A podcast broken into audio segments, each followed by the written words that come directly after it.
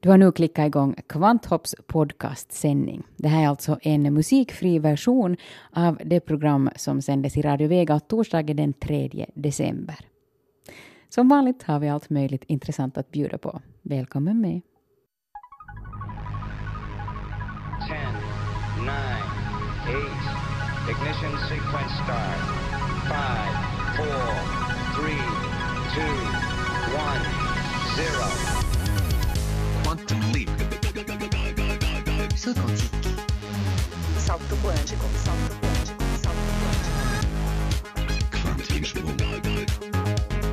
Salto quantico, salto quantico, salto quantico. Kvantum, det du inte visste att du ville veta. Välkommen med till Kvanthopp den 3 december. Idag återstår 28 dagar av året.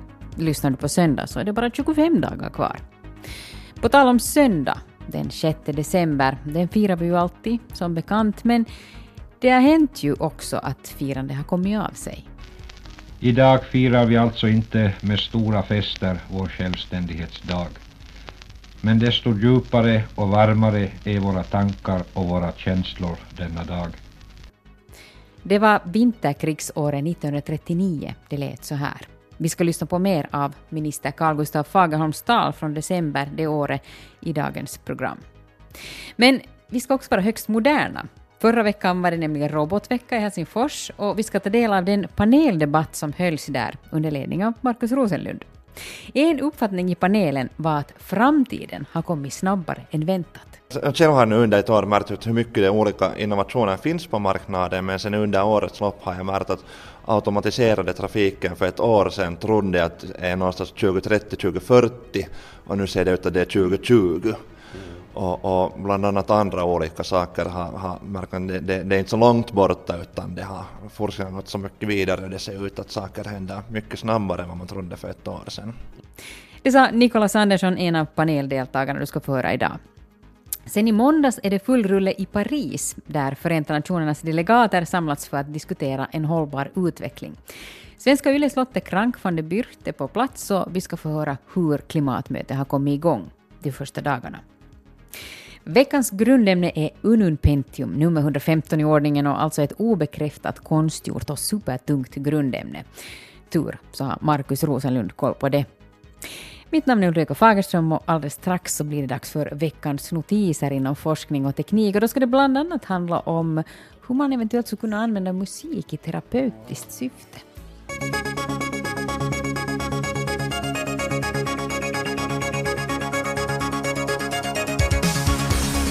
Varför finns det så få kvinnliga konstnärer, filosofer, vetenskapsmän, politiker och författare i historien? Nå, förutom att kvinnor genom tiderna överlag har haft sämre möjligheter än män att syssla med de här sakerna, så har dessutom kvinnor i uppslagsverk ofta blivit förbigångna när man lägger ihop böcker över historiskt kända personer. Men det här ska forskare vid Göteborgs universitet ändra på när det gäller kvinnor med koppling till Sverige. De ska sätta ihop ett kvinnobiografiskt lexikon med kvinnor som genom historien på ett eller annat sätt har gjort betydelsefulla saker i Sverige eller internationellt. Lexikonet ska finnas tillgängligt på webben på svenska och engelska och länka till andra uppslagsverk, arkiv och museer med mer material om kvinnorna.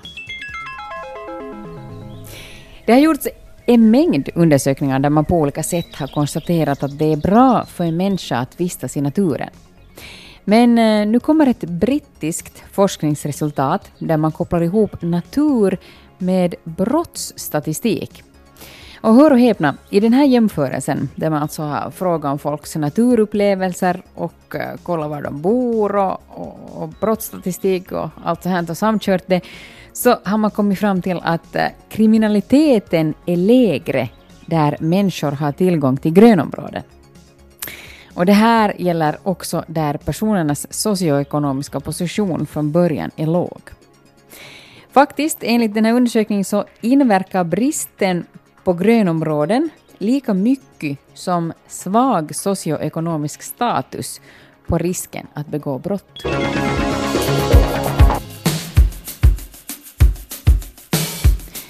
Forskare vid Århus universitet i Danmark har forskat i hur vi använder musik i en jobbig livssituation eller under någon form av längre stress. Och de har kommit fram till att det i främsta hand finns två sätt att göra det på. Det ena är att lyssna på sån musik som motsvarar ens sinnesstämning, aggressiv eller sorgsen till exempel. Och det andra sättet är att lyssna på förhållandevis glad musik som avleder uppmärksamheten från de negativa tankarna. De kom samtidigt fram till att det tenderar att finnas en form av könsskillnad här. Män, och speciellt unga män, lyssnar oftare på aggressiv eller sorgsen musik då de mår dåligt, för att liksom tömma huvudet, medan kvinnor tenderar att lyssna på musik i uppmuntrande syfte. Och till slut drog forskarna också slutsatsen att det ena sättet skulle vara bättre än det andra sättet. De menar nämligen att om man använder musik som förstärker de negativa känslorna och alltså kanske till och med ökar dem, så är det lite sämre än musik som på olika sätt distraherar de negativa tankarna och kanske då också minskar dem. Som stöd för den här teorin så har de också hjärnbilder av de undersökta personerna. De hittar nämligen en större aktivitet i det hjärnområde där man behandlar känslor hos de som använder musik i avledande syfte jämfört med de som lyssnade på musik som förstärkte de negativa känslorna. Alltså som att man skulle kunna behandla känslorna bättre när man använde musik som avledde uppmärksamheten från det negativa. De danska forskarna hoppas på att i framtiden kunna veta mer om hur man skulle kunna använda musik i terapeutiskt syfte, men också som ett diagnostiskt verktyg, till exempel för att upptäcka unga som mår dåligt.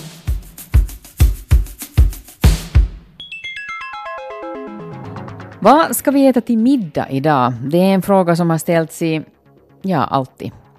Och vrider vi klockan tillbaka så där 300 till 600 000 år, det vill säga till stenåldern, och samtidigt förflyttar oss till Grekland, ja, då var det elefant som serverades till middag.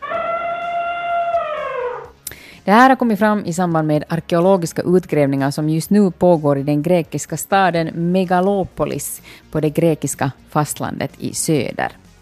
Man hittade alltså skelettet efter en numera utdöd elefantart samt en mängd verktyg bredvid och knivmärken på skelettet och drog då slutsatsen att det här var en elefant som hade slutat på middagsbordet för den tidens invånare. Till sist en nyhet om våra flygande vänner. Det här hur fåglarna bildar en plog då de flyger, det är ju ganska fascinerande. Och nu har brittiska forskare försökt ta reda på hur fågelskockarna egentligen bestämmer vem som ska få vara först. De valde ut 40 duvor och försedde dem med GPS-sändare och kollade hur snabba och hur bra på att navigera de enskilda duvorna var. Sen släppte de ut dem i grupper på 10 och så kollade de hur fåglarna valde att göra formationer. Det visade sig att det helt enkelt var den snabbaste duvan som placerade sig i täten, inte den som hade visat sig vara bäst på att navigera. Men forskarna kunde också se att även om duvan i täten inte var bäst på att navigera då resan inleddes, så verkade den efterhand utveckla sin förmåga i förhållande till de övriga duvorna. Forskarna menar att eh, den här fågelkonstellationen kan jämföras med människor. En mänsklig bilförare är till exempel vanligen bättre på att komma ihåg en rutt, hur man har kört, jämfört med de som har varit med enbart som passagerare i bilen.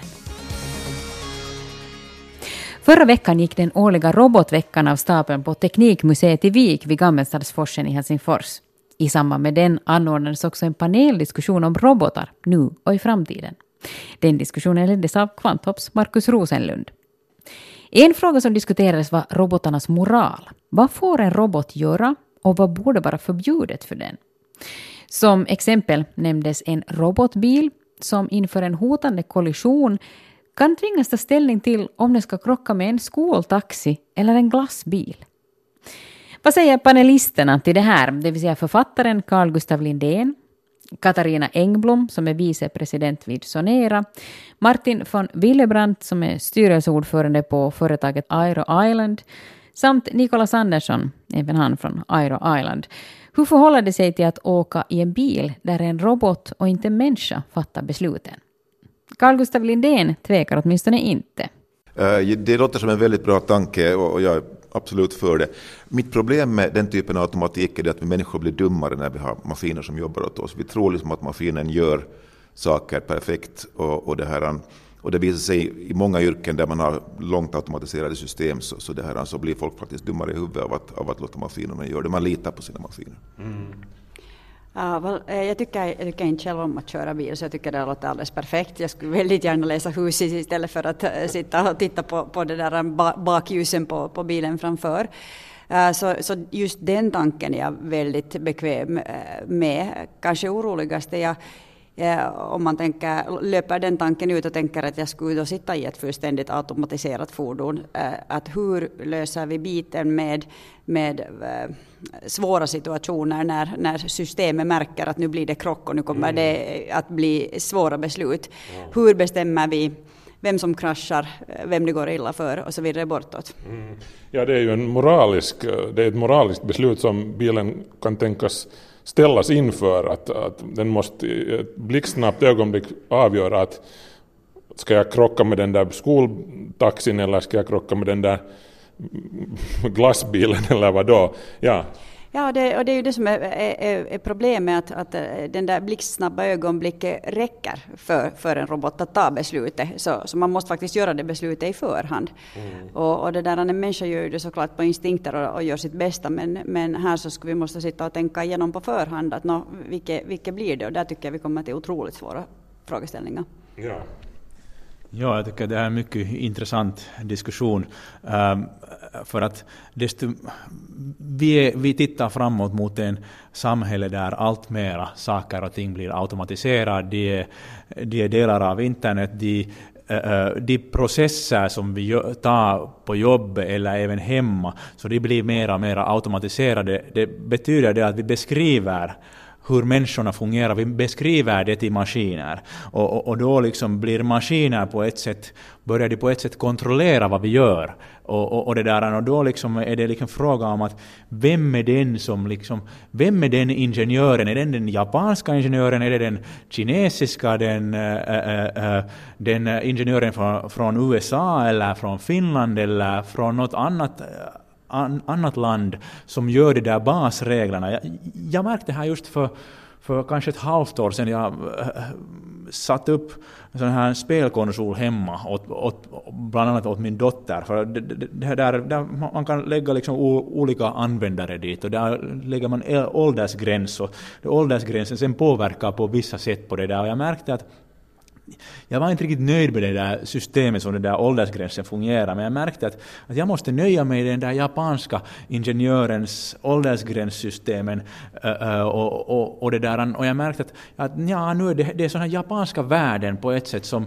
som, som nu liksom på grund av att den här maskinen har, liksom, har en sån här process som fungerar på ett visst sätt, så det är liksom, eh, det är ett sätt, det är en proliferation av japanska värden till Finland. Mm. Och det där, och, och, och den här liksom tematiken blir allt, det, här är ju, det här är ju ganska liten sak vad jag just beskrev, men, men, men när vi börjar prata om allt att hur människorna eh, sköter sig från eh, jobb, jobbhem eller hur, hur man vårdar människor i, i, ett, i ett vårdhus eller hur, vad som helst man gör. Och desto mer vi automatiserar, desto mer vi beskriver, desto mer är det fråga om beslut och, och, och, och beskrivning av processer och annat och det är liksom ett sånt här um, det är också ett sätt att sprida sig kultur på ett mm. sätt. Och, och de, de, de val och den, den, den systemet, och det, det är en stor fråga. Ja.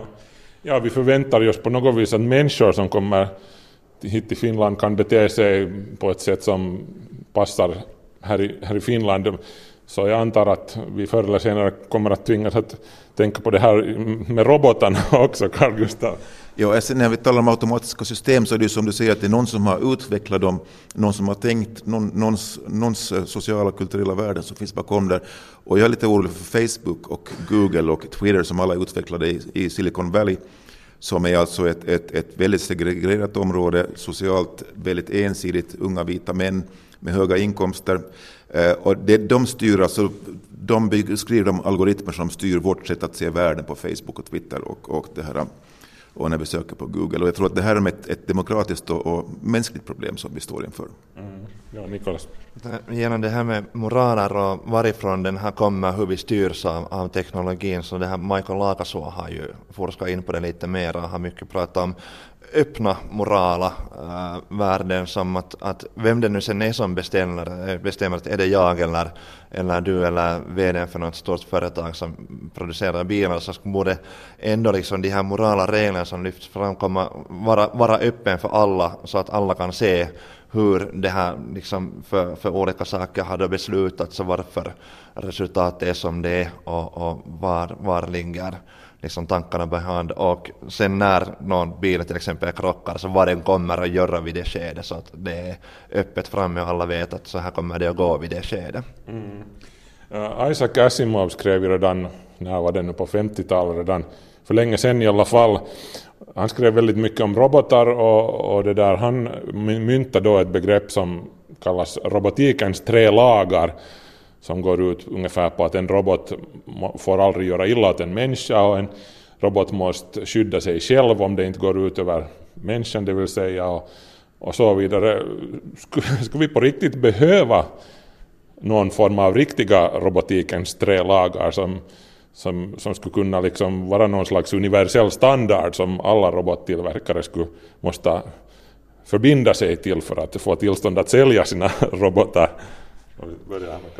Jag tror, jag tror det var en bra idé äh, att, att börja, börja fundera på det nu äh, för att, för att äh, jag tror att den diskussionen kan vara lättare att ta i ett tidigt skede än i ett sent skede, så att säga. Och som vi pratar här så går det fram med ljusets hastighet för tillfället. Och, och det där, speciellt innan artificiella intelligensen har gått hemskt mycket längre så tror jag det skulle vara väldigt bra att ha en sån diskussion. Mm. Ja. ja. det finns ju en, en svensk professor i Oxford, eh, Nick Boström, som, som har skrivit en hel bok om de här existentiella frågorna kring, kring robotar och det här artificiell intelligens och självlärande algoritmer som, som går ut på att, att i något skede så inser de, de, de robotar eller de system som styr, styr robotarna att människan är ett problem. Människan gör misstag och människan, människan måste elimineras och hans, liksom, hans uppmaning till mänskligheten är att bereda på ett liv utanför jordklotet. Nikolas, Ja, nej, tanken med det bakom det att jag, jag i min vackra värld så antar jag att folk inte bygger robotar som gör skadar, skadar folk, men dock så har vi det ändå inom krigsindustrin i varje fall.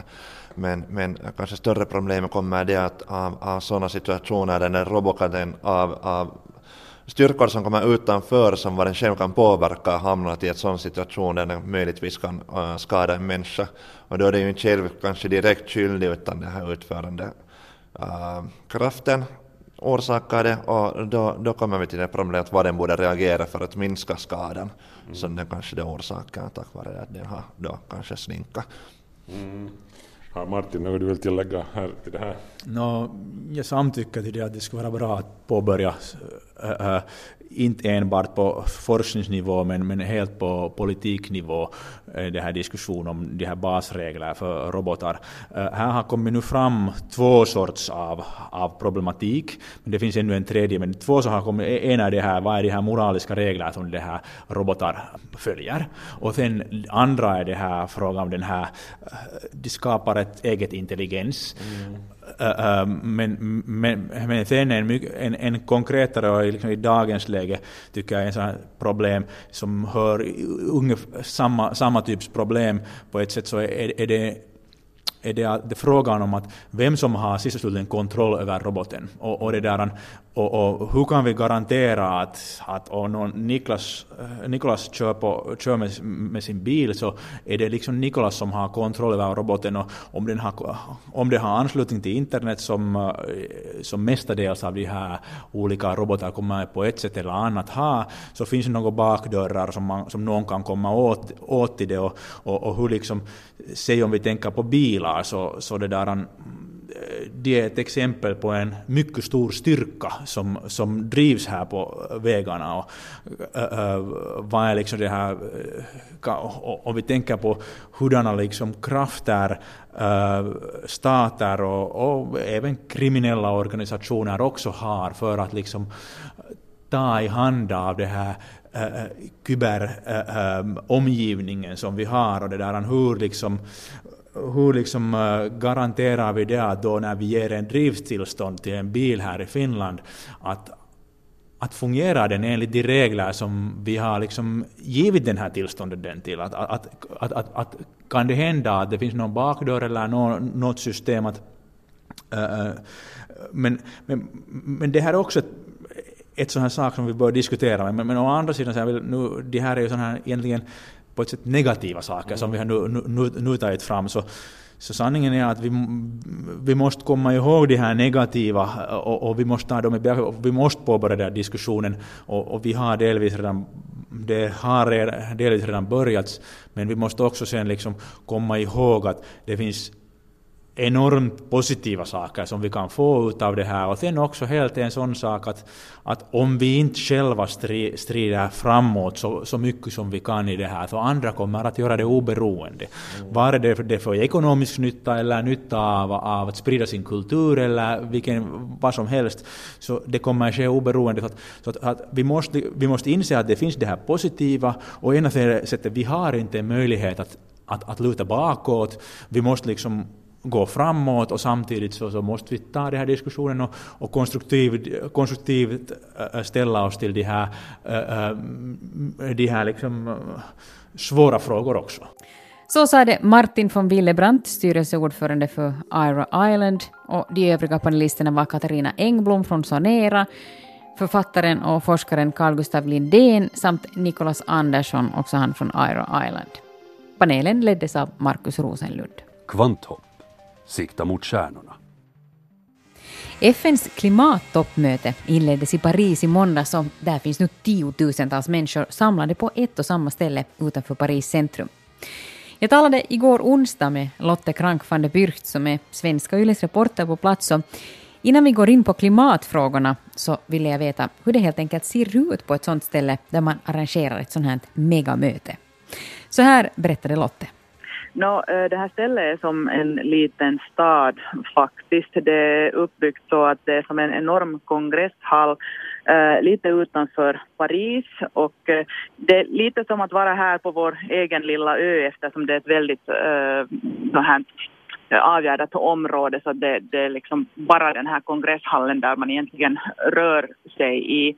Och eftersom här är så jättemycket människor också på grund av förstås de här terrorattackerna så är säkerheten här på topp. Så att när man kommer in så måste man gå igenom metalldetektorer och, och vi har sådana kort på oss där de, där de tar med en sån här scanner och, och, och tittar att, att vi, är, vi är den som vi ska vara. Att, att ser vårt foto på sin dator alltid när de scannar de här korten. Och, och innan man sen då får komma in. Och här, här, finns, eh, här finns en massa olika salar där det då hålls diskussioner och, och, och så här presskonferenser. Men att sen är här också förstås här är så mycket människor så vi måste äta också. Så finns här en massa olika restauranger. Och, och det är helt enkelt som, som en liten stad. Och alla slussas hit till den här mötesplatsen med bussar det finns olika ställen där, där de här bussarna då plockar upp människor och sen går de i skytteltrafik fram och tillbaka, de här bussarna hit till den här mötesplatsen. Hej, men klimatmöte, det handlar om, om gemensamma globala frågor. Märks det på något vis det här i stämningen, tycker du? Att det liksom som, nu är det hela världen som är här? No, jo, det märks att klimatförändringen är någonting som rör oss alla. Och jag tror att alla är rörande eniga om att det behövs ett klimatavtal. Men hur det här avtalet ska se ut, så det är sen en annan fråga. För att alla länder har förutom den gemensamma agendan såklart en egen agenda också. Alla är överens om att utsläppen ska minskas men en del länder är mer motsträviga när det gäller hur och hur mycket de ska minskas det kostar förstås att gå in för förnybar energi. Det behövs ny teknik som till exempel u-länderna inte har råd med. Så därför är den här finansieringsfrågan en av de svåraste här på mötet. Det vill säga hur mycket ska i-länderna bidra ekonomiskt till u-länderna för att hjälpa dem. Och u-länderna kommer knappast att vara villiga att, att ingå några avtal innan de är säkra på att de får ekonomisk hjälp. Så att här är nog en sån här vi-känsla men också helt tydligt en sån här att okej, okay, vi har nog också vår egen agenda här som vi nog måste hålla fast vid. Mm. Men om, om det skulle vara en konferens som handlar om någonting annat jämfört med att det nu handlar om då hela världen och vi tillsammans, så, här, så, så, tycker du att det känns så som att när man träffas i kaffekön så är det We are the world-känsla eller, eller är det liksom helt vanligt möte? Uh, no, det är nog kanske jag lite så här We are the world-känsla här att, att, det där, att alla är nog väldigt så här hoppfulla och, och positiva om att det här ska det här ska nog bli bra och, och det här ska leda till ett, ett klimatavtal. Så att, så att det, det, det är nog en sån här liten samhörighet, jo definitivt här. No, om vi sen tänker på själva poängen med hela mötet, det vill säga att man ska få till stånd ett gemensamt avtal som på sikt då ska sänka koldioxidutsläppen så att den här medeltemperaturen på jorden inte stiger mer än två grader. Inte så det mm. Så det här Mm, vad betyder det här i praktiken? Är det som ett avtal eller är det hundra avtal? Eller liksom, vad, vad är det konkret man ska få till stånd? No, till en början så förs de här förhandlingarna i mindre arbetsgrupper på tjänstemannanivå och då har man säkert många olika överenskommelser som, som man då ska då komma överens om. Men sen mot slutet av mötet så kommer ländernas miljöministrar hit och då samlas man sen till gemensamt plenum där alla de här små överenskommelserna ska pressas ihop till ett klimatavtal som då gäller alla. Man strävar efter att få till stånd ett juridiskt bindande avtal, men eh, det kan bli svårt eftersom det i flera länder är svårt att binda sådana här avtal till nationella lagar. Till exempel i USA så behövs senatens godkännande för sådana här avtal och, och där har republikanerna satt sig på bakhasorna så att Kyotoprotokollet ratificerades till exempel aldrig av USA. Så eh, därför tror man här att bara vissa delar av det här klimatavtalet blir juridiskt bindande för att det då lättare kan godkännas av olika länder på hemmaplan. Men eh, vilka delar det är så vet man först sen när avtalet är klart. Det viktiga skulle vara att man får till stånd ett avtal där de här utsläppsmålen skärps efterhand alla länder har ju fått inför det här Parismötet ge sådana klimatlöften, det vill säga löften om hur mycket de kommer att minska sina koldioxidutsläpp. Men de här löftena räcker inte till för att hålla den här globala uppvärmningen under två grader som man då anser att är den här gränsen som vad jorden klarar av utan katastrofala följder. Så, så därför borde, borde liksom de här utsläppsmålen skärpas efterhand så att vi kan hålla oss under den här tvågradersgränsen. No, men för Finland då, om, om det nu blir ett avtal och en del av det är juridiskt bindande, så här, vad betyder det i praktiken för, för våra industrier eller någonting? Vad, vad betyder det sånt? No, Finland följer ju EUs utsläppsmål som är att minska koldioxidutsläpp med 20 procent fram till år 2020 jämfört med nivåerna år 1990. Och, och det där, um, Finland deltar ju också i klimatfinansieringen men vårt bidrag är ganska blygsamt jämfört med, med många andra länder, drygt 30 miljoner och samtidigt som andra länder har lovat fördubbla sin insats så har den nya, nej, den nya regeringen i Finland skurit ner Finlands bidrag. Men att eh, det återstår lite att se hur, hur det här avtalet sen sist och slutligen utformas och så här vad det konkret betyder för Finland. Men, men förstås så är, är det ju tanken nog att eh, vi, också vi allt mer ska gå in för förnybar energi. Så att blir det ett avtal så betyder det att man måste satsa på sådana projekt då eller? Eller betyder det att, att fabrikerna inte får släppa ut sig och så mycket eller? No, det är önskvärt att man börjar satsa liksom allt mer på förnybar energi, till exempel vindkraft och, och, så vidare. Så att, så att det, är liksom, det, det, är det som är frågan här. Och sen förstås också så, så vad det betyder för industrin så, så får man lite se att, att det är ju nog möjligt att, att det måste bli någon slags utsläppsskärpningar. Men att som sagt det återstår lite att se här. Så alltså Lotte Krank van der Bürcht på klimattoppmöte i Paris. Och Lotte hör du ju rapportera också i Svenska Yles nyheter. Och på webben så har vi naturligtvis en massa material kring mötesfrågorna. Klimatmötet fortsätter nu med diskussioner och förhandlingar i mindre arbetsgrupper och nästa vecka så anländer deltagarländernas miljöministrar. Och till sist den 11 december avslutas det hela med ett jättestort plenum där det är meningen att man ska kunna komma fram då till ett användbart avtal för hur vi efterhand ska kunna minska mängden koldioxid som vi släpper ut i atmosfären. Kvanthopp. Om du undrar var Markus Rosenlund är, som ju brukar sitta här som programvärd, så håller han som bäst på att plocka bort osynliga hårstrån från sin frack och putsar sina dansskor. För det ska ju bli självständighetsbal på slottet och du kommer att se Markus svira omkring där, speciellt om du följer med Svenska Yles webbsidor. Och självständighetsdagen, den firar vi ju lika ivrigt varje år, men det har funnits år då firande inte har gått av stapeln som vanligt av förståeliga skäl. Som till exempel i december 1939 då vinterkriget precis hade inletts.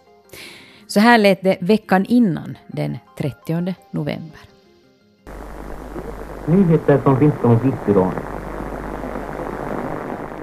Så som igår i en extra radioutsändning och idag på morgonen meddelades avbröt Sovjetunionens regering igår på kvällen de diplomatiska förbindelserna med Finland. Idag på morgonen har Sovjetunionen dessutom på många ställen med våld överskridit den finska gränsen och ett tiotal flygplan har överflugit finskt territorium i södra och östra Finland. Dessutom har flygplanen bombarderat olika trakter och härigenom givits ett bevis på att det kränkt landets integritet. Så lät det alltså när vinterkriget inleddes 1939. Så på själva självständighetsdagen, en vecka senare, den 6 december, så var det säkert en rätt så chockad och rädd befolkning som lyssnade på minister Karl August Fagerholms tal i radion. Vi ska lyssna på det, den svenska delen i sin helhet, cirka fem minuter långt. Så här lät det då. Medborgare vår förhoppning var att också i år få fira vår självständighetsdag så som vi firat den förr. Men detta har inte förunnats oss. Vi kan inte samlas till fest, tiden är alltför allvarspräglad för att detta skulle vara möjligt. Vårt land har angripits av väldiga fientliga trupper. Dessa trupper har kanske redan insett att Finlands frihet inte går att undertrycka utan vidare. De har fått stifta bekantskap med vår armés kampförmåga och våra soldaters brinnande vilja att strida för det som är dem kärast, fäderneslandets frihet. Men det moderna kriget föres inte bara vid fronterna. Vi har fått uppleva de avskyvärdaste anfall mot befolkningscentra. Kvinnor och barn har fallit offer för bomber, men också för maskingevärseld, avsiktligt riktad mot civilbefolkningen. En hel värld kan vittna att vi gjort allt för att undvika detta krig. Allt utom ett. Vi har inte varit beredda att frivilligt avstå från vår frihet och vårt oberoende. Idag firar vi alltså inte med stora fester vår självständighetsdag. Men desto djupare och varmare är våra tankar och våra känslor denna dag.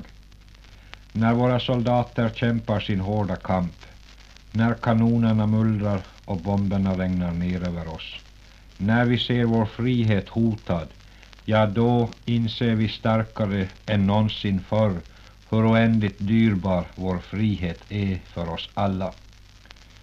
Krigets grymhet har vi skådat dessa dagar. Med djupaste avsky har vi sett det förakt våra angripare visar för barns och kvinnors liv. Medan flygplanens maskingevär spydde död och sår bland arbetarbefolkningen i Helsingfors dalade också flygblad ner avsedda för samma arbetarbefolkning. I dem talades om vänskap, om all den lycka vår angripare skulle beskära våra arbetare när han segrat. Bomberna och kulorna, de döda och de sårade var synbarligen avsedda som ett prov på den lycka som väntar oss om segern blir vår fiendes. Vem vet, kanske kriget kommer att ta sig ännu grymmare former. Vi är nu beredda på allt, vi måste bära allt.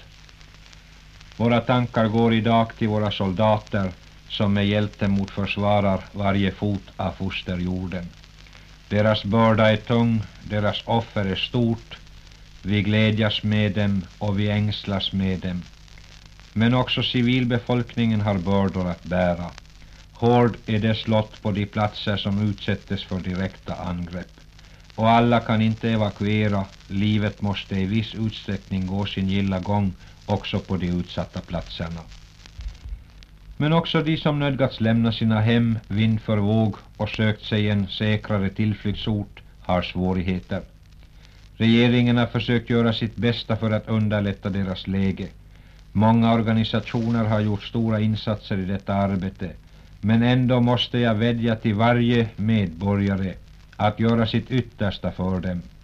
Gästfrihet, hjälpsamhet, vänlighet, spara inte på detta, medborgare. Det är alltid en fosterländsk plikt att bistå dem som lider nöd, just nu mer än någonsin. Denna självständighetsdag behövs det inte många högstämda tal. Självständighetens försvar är det enda vi kan tala om, det enda vi kan tänka på. Den demokrati som utvecklats i hägnet av vår självständighet har vi allt mera lärt oss att sätta värde på.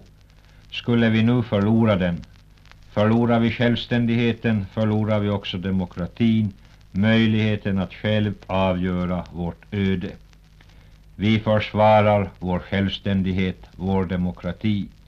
Vi gör det hårt, segt, så som endast den kan kämpa som är medveten om att hans sak är rättvis och sann. Varje medborgare tar del i denna kamp. Soldaterna vid fronten, arbetarna i fabriker och verkstäder.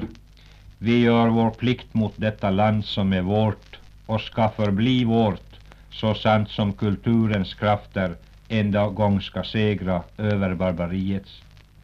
Vi bindes samman av ett gemensamt öde. Må vi minnas det i dessa allvarstider. Inget muntert tal där av minister Karl August Fagerholm i december 1939 då Sovjetunionen just hade anfallit Finland och firandet av självständigheten var någonting helt annat än idag, 2015. Men idag, 76 år senare, firar vi istället självständighetsdag tillsammans med en mängd människor som har kommit till vårt land flyende från situationer som kanske påminner om den som vi just hörde. Kanske någonting att tänka på just den här självständigheten.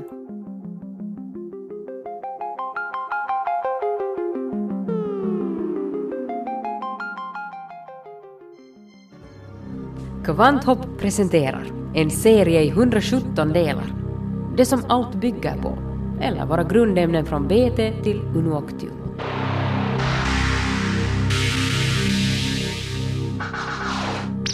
Atomnummer 115, Unun Pentium. Vi är så nära slutet på det periodiska systemet nu att vi befinner oss i gränslandet för vår nuvarande kunskap om verkligheten. Grundämne 115, som de flesta i branschen kallar det, får ids använda arbetsnamnet Unun Pentium, vilket alltså är latin för 115 upptäcktes 2004 av ryska fysiker från institutet JINR i Dubna i samarbete med amerikanska kollegor från Lawrence Livermore-labbet. Men den här upptäckten är så färsk att den ännu inte har bekräftats av internationella kemistunionen IUPAC, ännu mindre fått sitt slutgiltiga namn. Man skyndar helst långsamt i de här frågorna det handlar trots allt om stora viktiga saker av Nobelkaliber så det finns inte utrymme för minsta lilla tvivel och osäkerhet. Hur som helst för att åstadkomma fyra atomer av grundämne 115 bombarderade forskarna ett mål av americium 243 med kalcium 48 joner. Som alla andra grundämnen på den här nivån var och är ununpentiumatomer extremt instabila och kortlivade, med andra ord ytterst radioaktiva. Den stabilaste kända isotopen, ununpentium 289, har en halveringstid på ynka 220 millisekunder. Eh, det vill säga, har du fyra stycken ununpentiumatomer så har du bara två kvar när 220 millisekunder har förflutit och om ytterligare 220 millisekunder så har du bara en atom kvar. Ununpentium tillhör grupp 15 i det periodiska systemet tillsammans med kväve, fosfor, arsenik, antimon och vismut. Och man antar att ununpentium har kemiska egenskaper som påminner om de övriga i grupp 15, men skillnader finns sannolikt också. Det finns de som menar att ununpentium skulle bete sig som en alkalimetall och gemensamt för sådana är att de är mjuka, silverglänsande, har låg densitet och hög elektrisk ledningsförmåga. Men det här är i princip bara upplysta gissningar när det kommer till grundämne 115 för ingen har någonsin tillverkat tillräckligt mycket av det för att kunna undersöka det närmare, för att inte tala om att se det med egna ögon. Mängderna som har framställts sedan 2004 räknas alltså i enskilda atomer. Förr eller senare får hur som helst Kemistunionen IUPAC sina papper i ordning och ni som lyssnar på det här om tio år eller så kanske redan vet vad grundämne 115 fick för riktigt namn så att säga. Det finns en del förslag på bordet redan nu som till exempel Langevinium efter den franska fysikern Paul Langevin som bland sina andra meriter kan räkna att han har haft ett förhållande med Marie Curie. Ryssarna skulle ju gärna kalla 115 för Moskovium efter sin huvudstad naturligtvis. Upptäckarnas vilja brukar ju ha en viss vikt när IUPAC bestämmer sig för ett namn, men processen är oftast väldigt krånglig och det händer att de väljer någonting helt annat än de rådande förslagen. Så vi får väl se.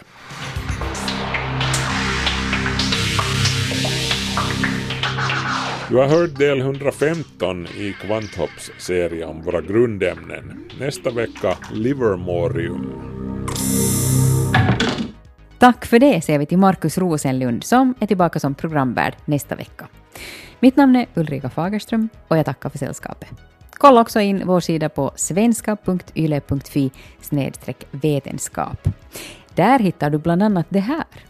Det talas mycket om det finlandssvenska sociala kapitalet som lär ska vara gott och brett tack vare den utbredda körsångsverksamheten i Svenskfinland. Det har forskats i det här neurologiskt och sociologiskt till exempel. Själv är jag intresserad av att eh, titta närmare på det här. Varför är det så? Jag vill ta till eh, musiketnologiska, musikfilosofiska och kroppsteoretiska begrepp för att lära mig mer om vad är det egentligen som händer i och med den mänskliga klingande kroppen när vi sjunger. Missa inte kulturredaktionens presentation av åtta forskare vid Åbo Akademi. Här hörde du musikvetaren Anna Edgren berätta om mysteriets sång. Henne och sju andra hittar du alltså på svenska.yle.fi samt på arenan. Kvanthopp igen om en vecka.